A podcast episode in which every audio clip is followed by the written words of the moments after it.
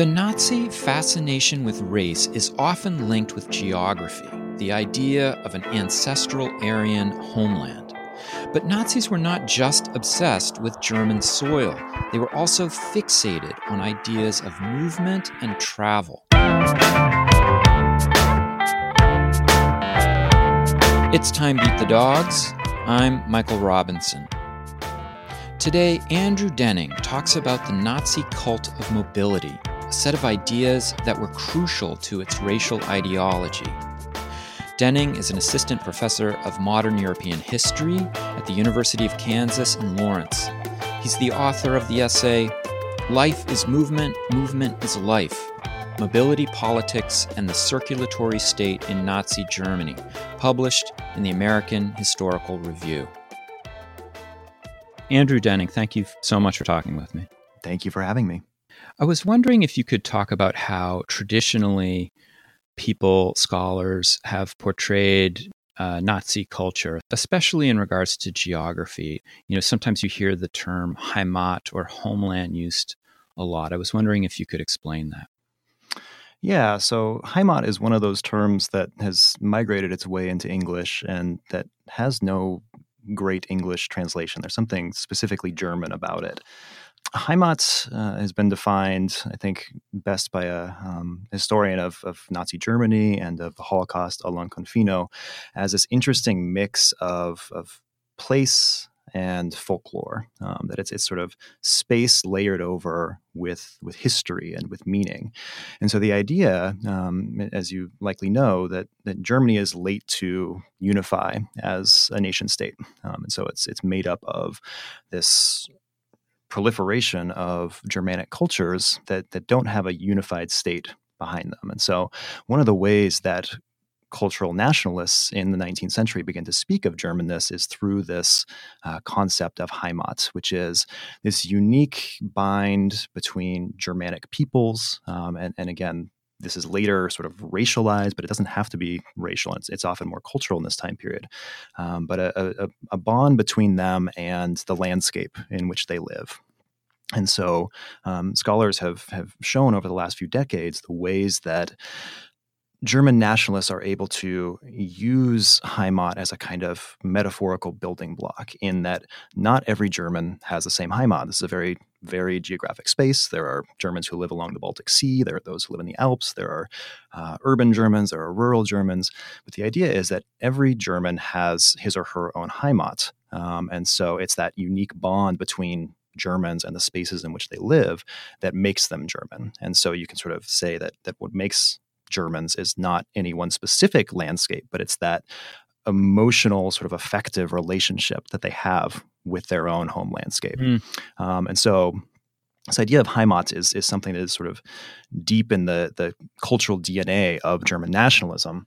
Um, and it's something that, as we, we move into the 20th century, um, is, is sort of seized upon by more racialized nationalists like the Nazis, for example, um, to suggest something sort of uniquely Germanic and racial terms about the relationship between German peoples and the soil from which they say Germans arise. Yeah, I, one of the things I found so fascinating about your article was that, and quite counterintuitive to me, was that alongside of this fascination with Heimat or homeland, you make the argument that Nazis were also pretty obsessed with this idea of movement. Uh, and I was wondering if you could give an example of that.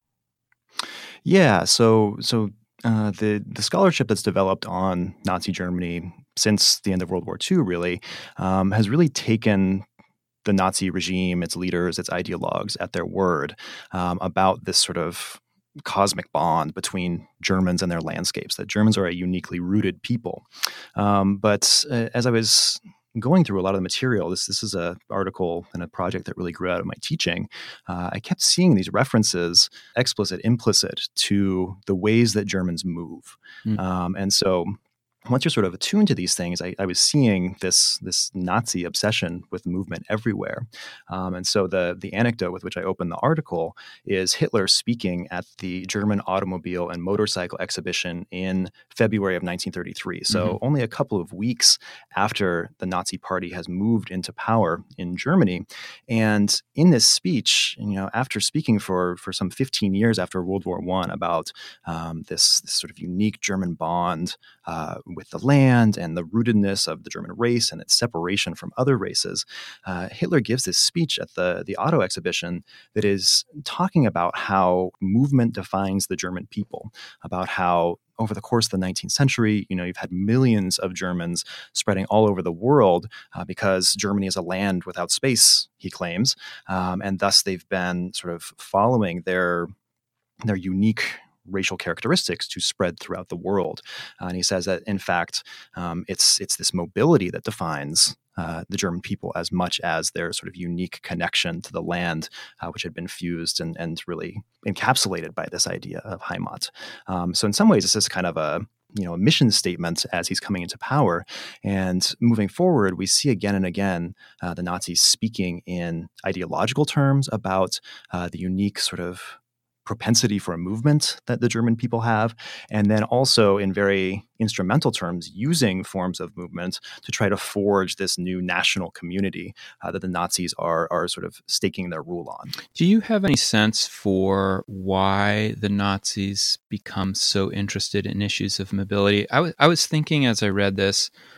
Um, because I teach a very slimmed down and simplistic version of what you're talking about in my um, my survey course, but uh, that you know the Treaty of Versailles is is so punitive towards Germany, and they they take away colony. You know the the Allies take away colonies and they take away territory from Germany, um, and they they so limit the the mobility of their military as well.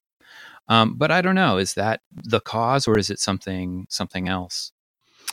Yeah, I mean, I think this looking at Nazi Germany through the lens of mobility is fascinating because it, it really allows us to layer temporal and spatial scales on top of each other. And so there's certainly this this unique interwar, you know, Weimar era 1919 to 1933 experience of mobility. And this is this is one of a constrained Germany. When they speak about the amputation of uh, not only colonies abroad from Germany, but in fact, um, some of the areas of, of what was once Eastern Germany to help uh, reconstitute an independent Poland that hadn't existed since the late 18th century. Um, and so there are these, these you know, very propagandistic maps um, that are circulating in this time period about how this is a, a, nation constrained, right? And, and one of the maps that I present in the article talks about peoples without space and spaces without people. Uh, the idea being that Germans are a, a people without space uh, who need this space. Um, this is something that historians have have long focused on this Nazi obsession with Raum, space, that that really comes to structure so much of not only their thought but also their action. Um, and I think that there's there's a sort of mechanism that we have not paid as much attention to, which is to to claim and to fill that space implies and indeed demands this kind of movement, right? And sort of rushing in to fill the void yeah, I think that, that this is definitely a product of the politics of Weimar, um, but it also draws from that that opening anecdote I talked about, in which um, German racial thinkers and historians project this kind of mobility far into the past, saying that Germans have a sort of unique blend of of rootedness and movement um, that allows them to kind of always have their feet metaphorically planted in their Heimat, while also traveling throughout the world to sort of raise the glory of of either the German nation or, as the Nazis uh, put it forward, the German race. Your um, your examples that you give, and you give quite a number of them, and from very different aspects of German culture about this kind of Nazi fascination with mobility. From, for example, the movie Triumph of the Will by Leni Riefenstahl, which is about the uh, Nuremberg rally in, is it 34? And also things like the movement of youth groups by the state uh, to kind of like get rid of regionalism, bring the youth together, and form a national identity. There, are so many interesting examples that you give of this interest with mobility. I was thinking though that there are echoes of this in other places too. So, for example, the Volkisch movements in the 19 or the early part of the 1900s, which also uh, in Germany and Austria were really interested in bringing youth together and climbing mountains and finding national identity, or the Boy Scouts in the United States. Uh, so, so I was wondering if you, I guess, I guess my question in, in, in a very long-winded way is, how much do you think this cult of of mobility is a Nazi thing, and how much of it is just kind of a, a Western thing? Right. I mean, I think your your question really points to one of the the core debates that really drives studies of Nazi Germany to this day, which is um, to what extent are the Nazis in this era an aberration, right? Something that mm-hmm. just doesn't fit with currents of Western history, um, or to what extent are they uh, sort of an obvious current within Western history, or indeed a, a, sort of its apotheosis, right? I mean, the idea that um, that is put forward by many is that the Holocaust is not um, the sort of um, unfortunate side effect of of you know this bizarre movement, but in fact, mm. this is the end point of this scientific classificatory focus on biopolitics and public health and all of these sorts of things. Um, and so, I think you know when we're looking at the issue of mobility, we want to see what is uniquely Nazi about this and what is is more generally, uh, you know, we might say Western or modern. Um, and I think that, as in so many other areas, the the Nazi obsession with mobility is broadly Western, we might say turned up to 11 i mean just more extreme faster um, more all-encompassing. And so i think you're right to point to the ways that um, sort of new modern social and cultural movements often focus on on moving people right? And i think especially the ones that you point to are are specifically looking at moving oftentimes young men and women in industrial urbanized settings right? That that there's this idea that by modernizing that's people have lost something, right? They've lost a connection to one another. They become atomized in these cities.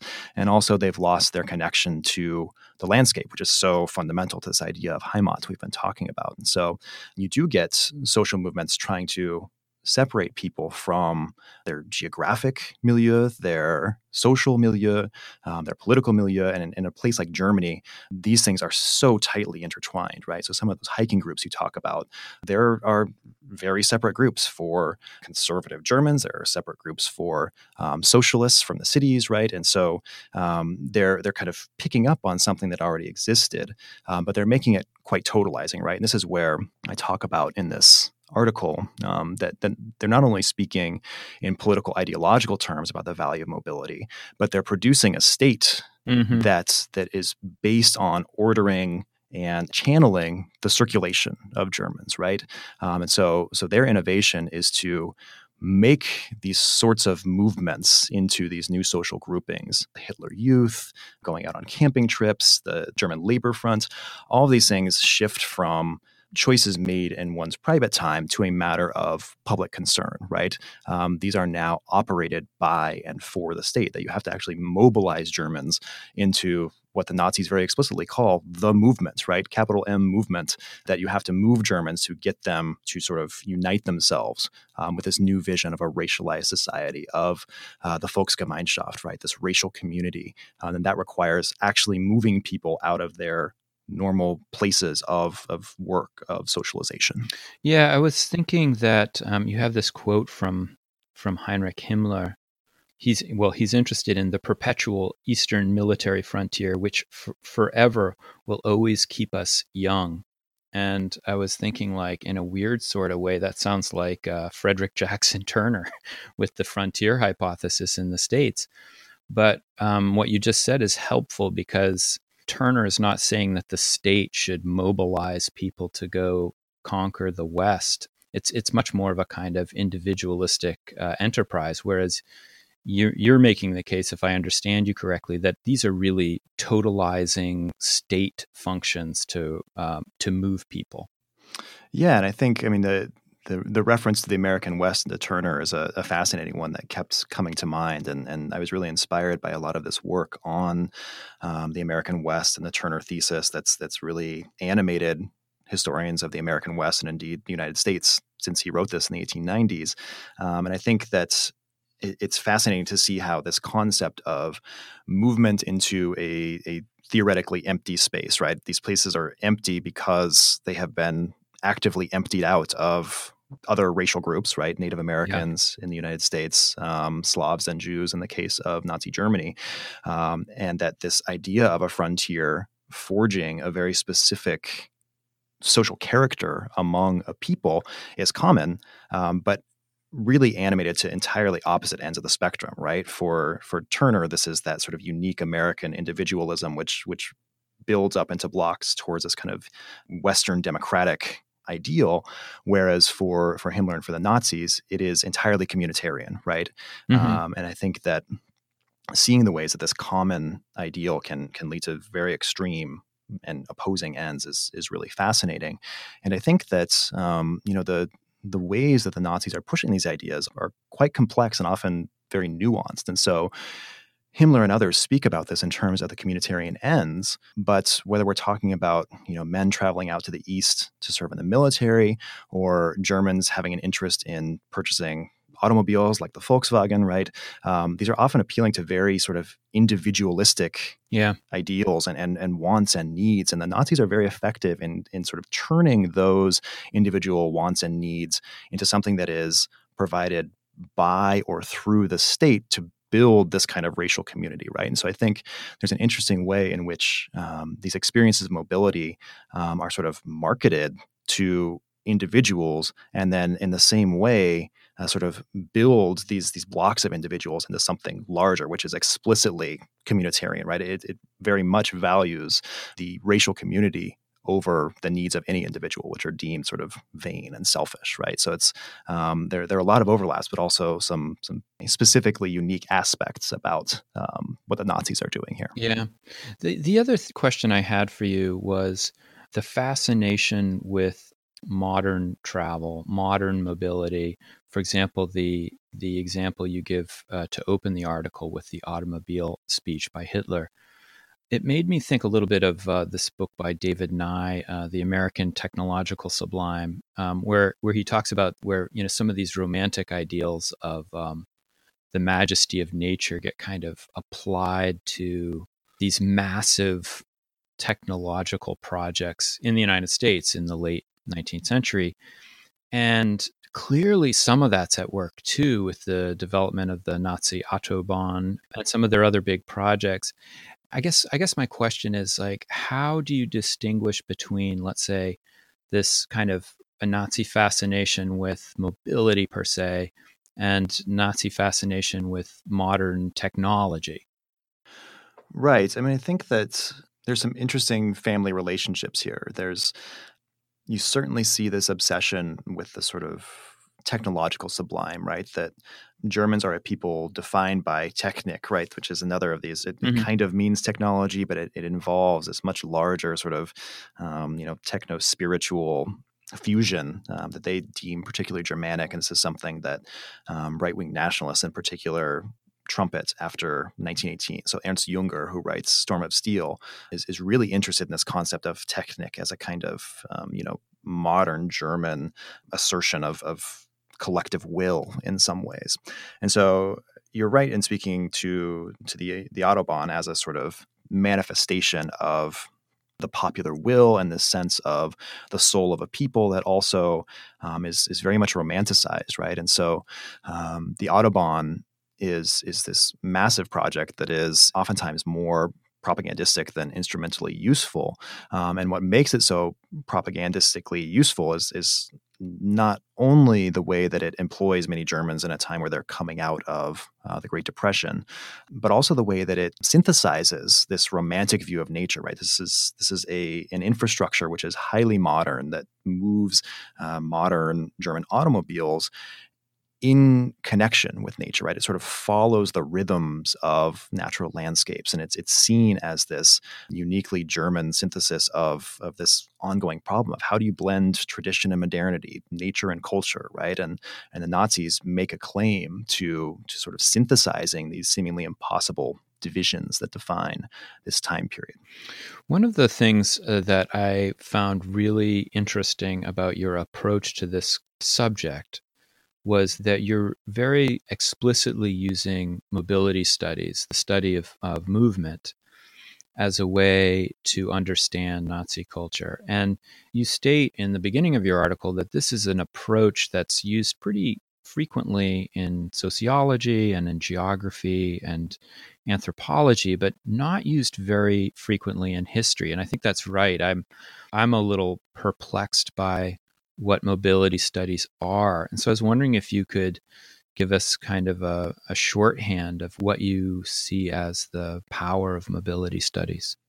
Yeah, so so as you mentioned here, this is something you know it's it's been in development for at least a couple of decades at this point, often emerging from interdisciplinary fields or explicitly uh, spatial fields, so geography being one of those. There's a very strong vein of mobility studies in urban studies, um, thinking about the you know movements in and out and around the city that define something like Bill Cronon's Chicago, for example, and Nature's Metropolis. Right, that um, this is something that's a very historical approach to that, but there are, are more sort of sociological or anthropological approaches of folks who look at you know the way building a new transit system or a new airport will start to affect social belonging, cultural relations, the the actual sort of mapped movements of people in any given city, region, nation, etc. And as I suggest in this article, I think what what makes mobility so potentially useful for historians is it turns a lot of our basic assumptions on their head. Um, I think that we often think of rooted settlement as the, the, sort of foundation of our societies. It is it is our basic mode is to be in a place, but it's also our basic mode to move around constantly, right? Whether that's that's foraging for food millennia ago, or whether it's traveling to conferences, as I did this last week. I mean, it, we move around a lot, right? And if we we can sort of either balance this equation or even suggest that maybe movement is our natural mode, uh, we start to see things very differently, right? And so I mean, this is something that historians have certainly spoken about and engaged with in, in all sorts of ways in recent decades through the development of transnational and global histories. Um, but I think what mobility studies does for us is it helps us to impose a theory and, and, and think more systematically about the ways that, that this happens. So uh, a lot of these global histories often speak in terms of networks, exchanges, right? We're often talking about migration, capitalism, um, but mobility allows us to think about these as part of a larger system of interactions. Um, and as I suggest in this article, as a system that is defined by certain logics. And, and sometimes these are explicitly defined by corporations, by states, but other times they're more implicit, right? They're, they're things that we enact subconsciously or that our societies pursue without having mobility as an end goal. Um, and so I think, in, in terms of what is this theoretical system or logic that helps to define historical study, um, as I suggest, this is sort of broken down into three parts. We're talking about the material circulation of, of people, you know, whether temporarily or permanently, ideas, um, goods in exchange. These are certainly all things that historians have written about. Um, we're talking about the cultural values. So I started out our discussion by talking about the ways that Nazi ideologues thought about mobility and the relation that it has to identity. So movements are represented, interpreted. You know, there are things to laud, there are things to fear. Uh, we haven't talked about the sort of negative end of things for the Nazis, in which uh, the movement of Roma, the theoretical rootlessness of Jews, the quote unquote global danger of communism. Um, there's a real danger to movement as well that they define sort of German rootedness, excuse me, as as offsetting, right? And so there's this cultural aspect, and then lastly, something that I think is is really quite fascinating and, and points in the way that historians are now pursuing a lot of their studies is that mobility is embodied as well. This is something that we feel in our bones, right? Um, whether we're we're bouncing around on a country road in a car, whether we're flying in a plane, that that this is something that is sort of mediated by our bodies, by our our, our senses, um, and that that sensory aspect makes movement very visceral, right? And so I speak in a couple of occasions about how during the war German soldiers, you know, on the Western Front, um, talk about how their experience of moving so quickly through Belgium and France uh, makes it feel like they're on vacation. Yeah. Um, and then on the Eastern Front, the sense that um, there's such a poor infrastructure in the East in terms of roads, that these roads are often dirt roads that get muddy, that they're getting bogged down. Um, their sense of, of being stuck in place is, is really quite visceral and, and comes to define their sense that the Soviet Union is, you know, even more barbaric than they've been told by uh, by their rulers. And so this embodied aspect, I think, uh, really connects with this, these sorts of sensual, um, affective, emotive histories um, that allow us to see how mobility is this kind of totalizing system. It doesn't explain everything, but it does touch on so many aspects of an experience that I think it does us a lot of good to think about how migration and the movement of capital and ideas about how movement, structure, identity, and belonging, that all of these things work in concert uh, in ways that uh, can really help us to see societies in new ways. I almost get the impression that as I listen to you describe this, that mobility studies isn't as much a set of ideas as it is, let's say, let's um, reorient the framework of how we, how we look at particular subjects through the lens of motion yeah, I think that's a great way of thinking about it. I, I often imagine, um, you know, those those separate fields that I was just mentioning as these sorts of silos that have their very yeah. own well developed scholarship. You know, in Nazi Germany or more generally as the larger field, and that thinking in terms of motion allows us to sort of cut across those silos and see um, how these are connected by certain ideas and practices that um, we just haven't imagined in the past.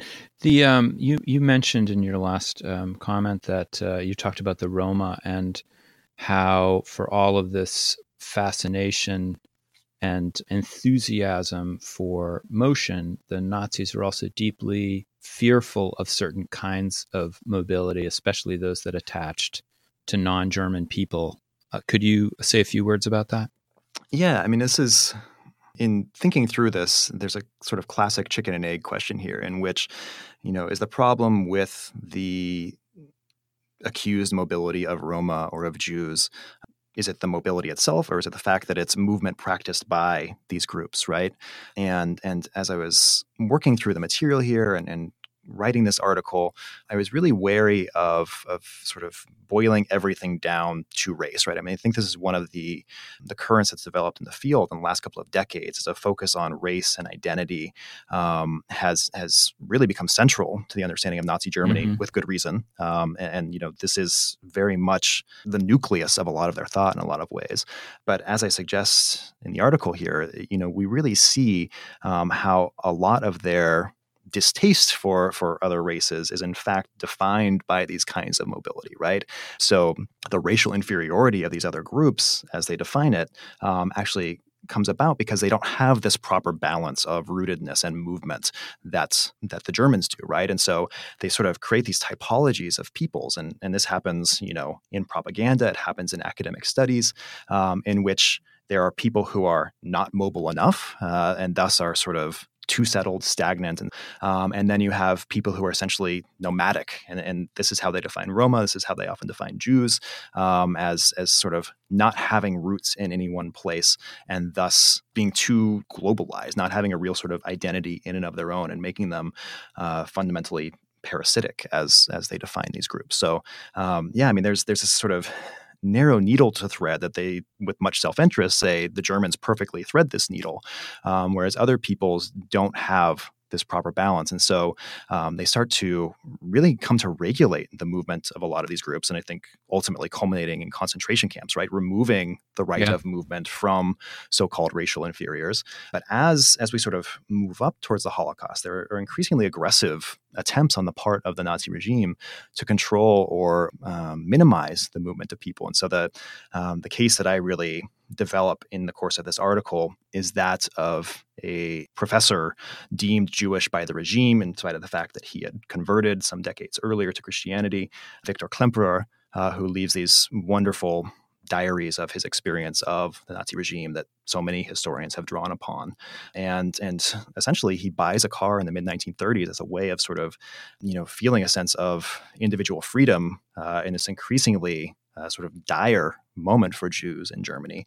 And then as we get to the late 1930s and early 1940s, the Nazis are increasingly removing the ability of Jews to attain driver's licenses, own cars, and eventually, uh, in his, his city of Dresden, uh, the Nazi officials force him to sell his automobile because this is the idea that Jews cannot have this freedom of movement, that Jews are somehow insulting the German people by driving on roads built by German hands. I mean, so these ideas of mobility are, are very much overlaid with race and actually can come to sort of determine these racial interactions and, and relationships in some really interesting and I think inflammatory ways. And you know, in some ways, this is a kind of accelerating effect in terms of the sorts of projects they imagine for themselves. Mm. Andrew Denning, thank you so much for talking with me. Thank you, Michael. This was great. That's it for today. The music was composed by Zabrat Make sure you check out the Time to Eat the Dogs website for podcast links and other exploration related stuff. And if you get the chance, please take a minute to rate and review the show wherever you get your podcasts. It really helps make the show visible to new listeners. And if you want to recommend a guest or make a comment, feel free to contact me at time to eat the dogs, that's one word, lowercase, at gmail.com. See you next week.